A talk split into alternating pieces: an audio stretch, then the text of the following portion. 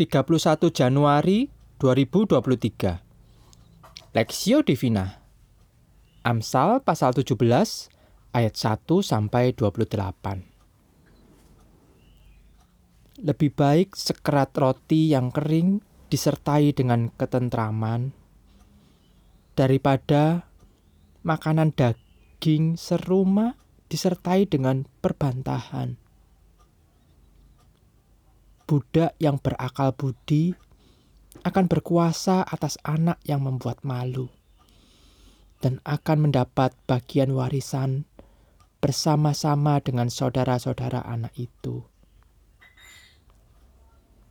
Kui adalah untuk melebur adalah kui adalah untuk melebur perak dan perapian untuk melebur emas. Tetapi Tuhanlah yang menguji hati. Orang yang berbuat jahat memperhatikan bibir jahat. Seorang pendusta memberi telinga kepada lidah yang mencelakakan. Siapa mengolok-olok orang miskin, menghina penciptanya. Siapa gembira karena suatu kecelakaan, tidak akan luput dari hukuman mahkota orang tua adalah anak cucu, dan kehormatan anak-anak ialah nenek moyang mereka. Orang bebal tidak layak mengucapkan kata-kata yang bagus. Apabila apalagi orang mulia mengucapkan kata-kata dusta.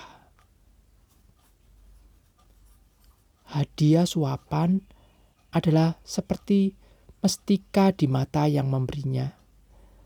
Ke mana juga ia memalingkan muka, ia beruntung. Siapa menutupi pelanggaran, mengejar kasih. Tetapi siapa membangkit-bangkitkan perkara, menceraikan sahabat yang karib.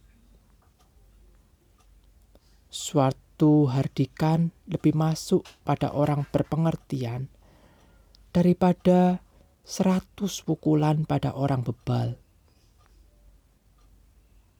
Orang durhaka hanya mencari kejahatan, tetapi terhadap dia akan disuruh utusan yang kejam. Lebih baik berjumpa dengan beruang betina yang kehilangan anak daripada dengan orang bebal dengan kebodohannya. Siapa membalas kebaikan dengan kejahatan? Kejahatan tidak akan menghindar dari rumahnya.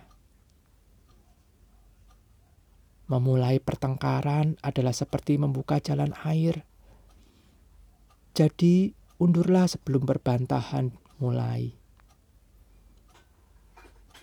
Membenarkan orang fasik dan mempersalahkan orang benar. Kedua-duanya adalah kekejian bagi Tuhan.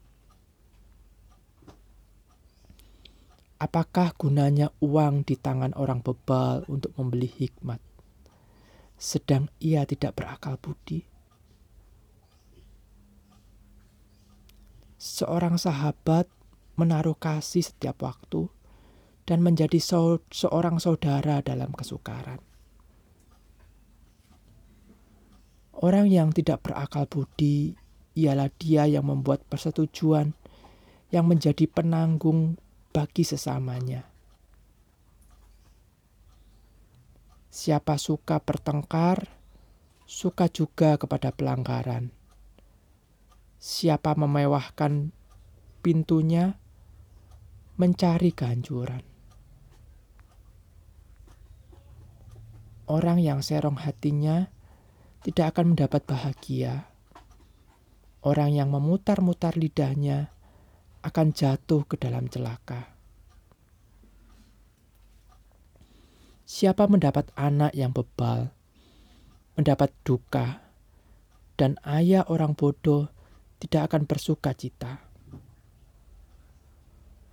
Hati yang gembira adalah obat yang manjur, tetapi semangat yang patah mengeringkan tulang. orang fasik menerima hadiah suapan dari pundi-pundi untuk membelokkan jalan hukum. Pandangan orang berpengertian tertuju pada hikmat, tetapi mata orang bebal melayang sampai ke ujung bumi. Anak yang bebal menyakiti hati ayahnya dan memedihkan hati ibunya. Mengenakan denda orang benar adalah salah. Memukul orang mulia pun tidak patut. Orang yang berpengetahuan menahan perkataannya. Orang yang berpengertian berkepala dingin.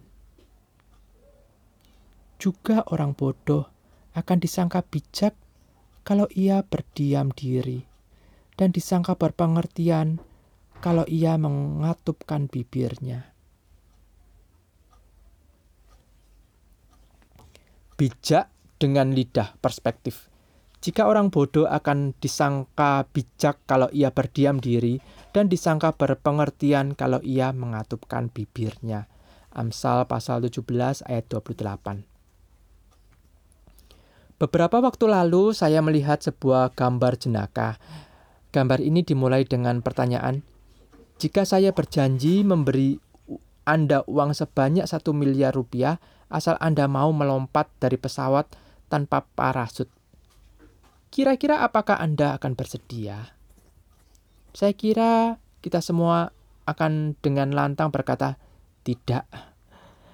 Nah, si pembuat gambar menyadari hal itu. Menariknya, dia melanjutkan, "Tapi bagaimana bila saya memberitahu Anda bahwa pesawat itu sebenarnya sedang ada di daratan?" Dia lantas menutup gambarnya dengan mengingatkan kita bahwa ada baiknya kita mengetahui sesuatu dengan baik sebelum kita membuka mulut kita. Di dalam kitab Amsal, kita akan menemukan ada pengontrasan antara orang berhikmat dan orang bodoh. Tentunya ada banyak hal membedakan mereka. Tapi dalam bagian ini, penulis Amsal menegaskan bahwa salah satu pembeda penting keduanya adalah cara mereka menggunakan lidah dalam menyikapi masalah. Di ayat 27, orang bijak ditandai dengan satu ciri utama, yakni kemampuan mengendalikan lidahnya. Ya sangat ini sangat diperlukan khususnya dalam keadaan yang provokatif dan mudah memicu amarah. Bila orang bodoh akan mudah tersulut dan lepas kendali. Orang bijak akan menahan diri untuk berkata-kata. Tidak mudah terprovo terprovokasi. Sedemikian penting pengendalian lidah. Penulis Amsal menyatakan bahwa seandainya, seandainya orang bodoh bisa menahan lidahnya dengan jalan lebih banyak diam, maka orang lain bisa berpikir bahwa orang bodoh itu adalah orang yang bijak.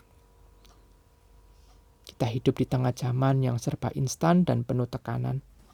Salah, satu dampaknya, kita dituntut menyikapi segala sesuatu dengan cepat.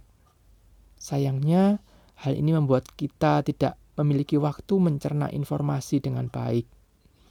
Akibatnya, kita cenderung menjadi sangat reaktif di tengah keadaan demikian, hari ini penulis Amsal mengingatkan kita agar sedikit lebih melambat dan mengambil waktu untuk mencerna informasi dengan baik. Ada baiknya kita belajar menahan diri untuk terlalu cepat bereaksi dan berpikir dengan baik sebelum berkata-kata. Percayalah, Anda tidak akan menyesali sikap demikian studi, studi pribadi, apakah Anda masih bergumul dengan sikap reaktif?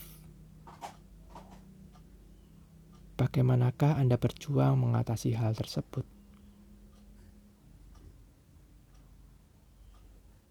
Pokok doa, doakan agar anak-anak Tuhan dan khususnya para pemimpin gereja memiliki sikap yang tepat dan bijaksana dalam menggunakan lidah mereka